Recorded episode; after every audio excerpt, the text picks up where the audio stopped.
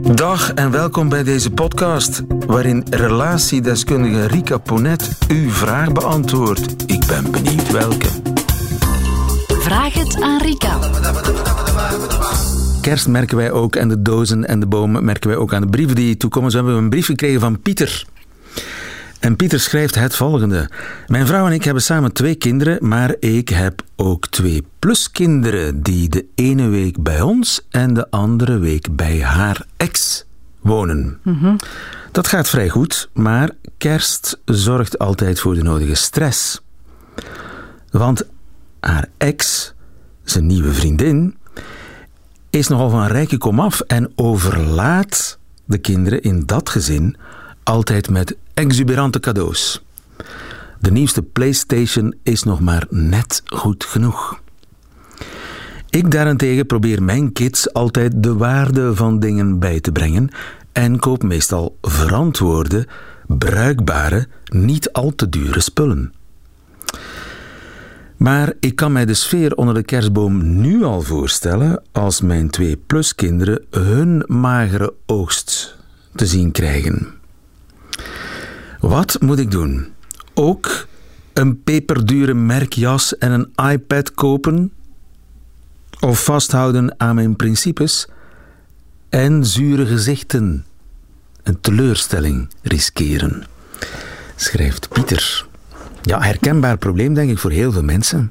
Uh, zeker in de, ja, in de huidige maatschappelijke context. Hè, waarbij Al die dat, nieuw samengestelde dat gezinnen, dat is niet ja. meer een uitzondering, dat is bijna de regel geworden. Hè? Ehm, ja, en ik eh, één op drie minstens. Hè. Eh, dus, ehm, en ik hoor ook wel heel veel stressverhalen rond deze periode. Ja, waar moeten we naartoe? Ehm, wie krijgt prioriteit? Want je hebt natuurlijk, je kan maar op één plaats tegelijk zijn. En inderdaad ook eh, aan wie geven we geschenken? Geven we geschenken? Ja, en op de Ehm, competitie, en je voelt en- hier is een soort competitie ja. aan de gang. Hè?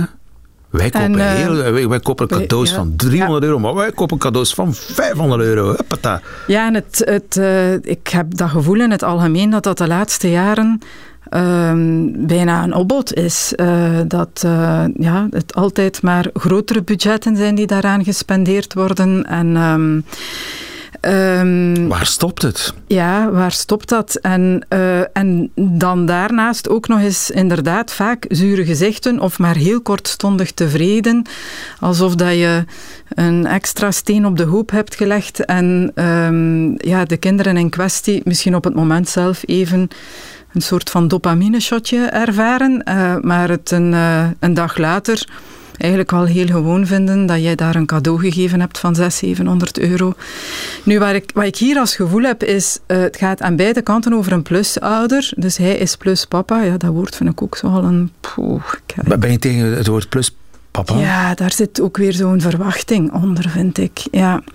Ehm, Steve vind ik ook niet zo een, eh, een, Wat zou jij dan doen? een fantastische term. Ja, ik vind het gewoon niet zo'n leuke term. Ja, ik Want het daar dringend is een, dat is een ontbreekwoord. Ja, absoluut. Plus Ja. papa, wat is er mis met plus papa? Want de papa is er te veel aan. Eh, en ook de plus. Het is alsof dat je... ja, eigenlijk is het bijna hier exemplarisch waarom dat, dat woord... Alsof dat je heel de tijd iets positiefs moet bijbrengen eh, in het verhaal naar die kinderen toe. Hè. Je, je mag zo ja, een, een bijdrage leveren die positief is. Ja, dat zit daar zo wat onder. En daar spreekt ook een vorm van... ehm, aan beide kanten nu zie je, daar zit een stuk competitie op natuurlijk. Eh, wie is hier de beste plusouder? En ik ga mij vooral bewijzen door, ehm, door dat kind heel erg tegemoet te komen in de behoeftes waar ik van denk dat dat de behoeftes van dat kind zijn. Ja.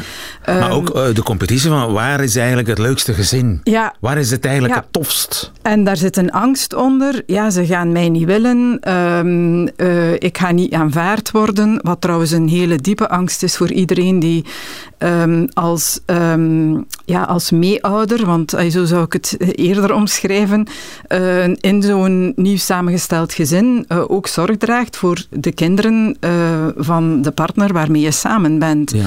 Ehm, Dus ja, je moet Ja. eigenlijk die competitie zien te doorbreken. Want ja, het is altijd heel. Er hangt letterlijk een prijskaartje aan. Hè? Ja, het gaat eigenlijk over de relatie die jij hebt met dat kind. Hè. En het gaat niet over ik moet in competitie gaan met die andere ouder of mij daarmee vergelijken. Uh, ik denk dat dat ook geen heel goed uitgangspunt is om daarin wat zelfverzekerder te worden. Ik denk dat het allerbelangrijkste is, hoe is mijn relatie als die kinderen hier zijn met de kinderen? Hoe vormen wij dat nieuw samengesteld gezin? Wat zijn de waarden en normen in ons gezin? En durf ik dat ook uitdragen, die waarden en normen? Uh, we doen dat in andere gevallen ook, denk ik. Hè. Hij doet dat heel duidelijk met zijn kinderen. Ongetwijfeld zullen zijn kinderen op school ook vrienden hebben waar de kerstcadeaus veel uh, duurder uitvallen dan onder hun kerstboom. Toch passen we ons niet aan aan de rest van de wereld. En in die context doen we dat dan ineens wel. Heel belangrijk is, denk ik, dat hij vasthoudt aan wat zijn principes zijn. Ik denk dat kinderen dat eigenlijk vooral erg waarderen. Misschien niet direct op, bij het openmaken van het pakje, maar op lange termijn denk ik dat je ja, een veel uh, waardevoller standpunt inneemt en ze jou ook daarin zullen waarderen. Maar dus Pieter moet in elk geval geen dure dingen kopen? Nee. Vooral, dat zeker niet. Vooral doen wat hij altijd op dat vlak gedaan heeft. En wat ik vandaag ook vaak als gevoel heb... Um, Weet je, ja, dat klinkt zo heel boemerachtig. Hè? Ehm, wij zijn opgegroeid, jij ook, lieven, in een tijdperk waarin er vooral ja, veel verlangen was. En we, weinig gratification. weinig gratification. Vandaag zijn we eigenlijk die verlangens van uh, kinderen al voor. Hè? We, we vullen het in nog voordat er een verlangen is. En in het dat is eigenlijk verschrikkelijk. Hè? Ja, dat is verschrikkelijk. In die materiële... Uh, ja, tegemoetkomingen, daar zijn we eigenlijk al volledig over de grens heen. En dan denk ik vandaag, um, een geschenk dat gaat over relatie. Hè, over, uh, ik relateer met jou en ik toon via mijn geschenk hoe belangrijk ik jou vind. En dan denk ik, als we het echt nog hebben over waarde, dat het niet gaat over 400, 500, 600, dat voegt eigenlijk niks meer toe aan wat we ervaren bij het krijgen van zo'n geschenk. Dus je moet eigenlijk een ervaring cadeau doen. Voilà, dat is er een. Of samen ergens heen. Eh, samen ergens heen, iets educatiefs of uh, die kinderen zelf. En zeggen van, wij hebben een budget om als gezin een weekend weg of een dag weg. Dat, dat hoeft ook weer niet heel duur te zijn. Maar jullie kunnen nu eens invullen wat we die dag doen. Ik maak tijd voor jullie. Dat lijkt mij op termijn iets wat je veel langer zult herinneren dan dat ene cadeau onder die kerstboom. Of iets educatiefs, daar dacht ik, of daar denk ik ook vaak aan. Wij hebben zo ooit um, de kinderen geiten cadeau gedaan, geloof ik was het. Geiten? Wat een idee. Pieter, heb je dat gehoord? Geiten. Geit, dat waren zo... Uh, Zullen ze blij mee zijn? In ontwikkelingslanden kon je dat dan zo doen, oh, ja. zo een, um, een project steunen. En okay. dan, had een, dan kreeg zo'n Maar gezin... geiten elders? Ja, dan kreeg zo'n gezin een geit, wat voor zo'n gezin een heel waardevol geschenk wow. was. En uh, ja, dan kan je daar... Je kan zeggen van, dat is zo belerend. Uh, maar ik vind alles beter dan de zoveelste gadget onder een kerstboom ja. waar een kind vijf... Of tickets voor een leuk concert, met z'n allen. Met z'n allen, ja. Ik denk inderdaad, ga dan veel meer voor de ervaring. Naar een musical. Ja, dan voor, uh, dan voor het zoveelste cadeau. Zeer wijze woorden van uh, Rika Ponet.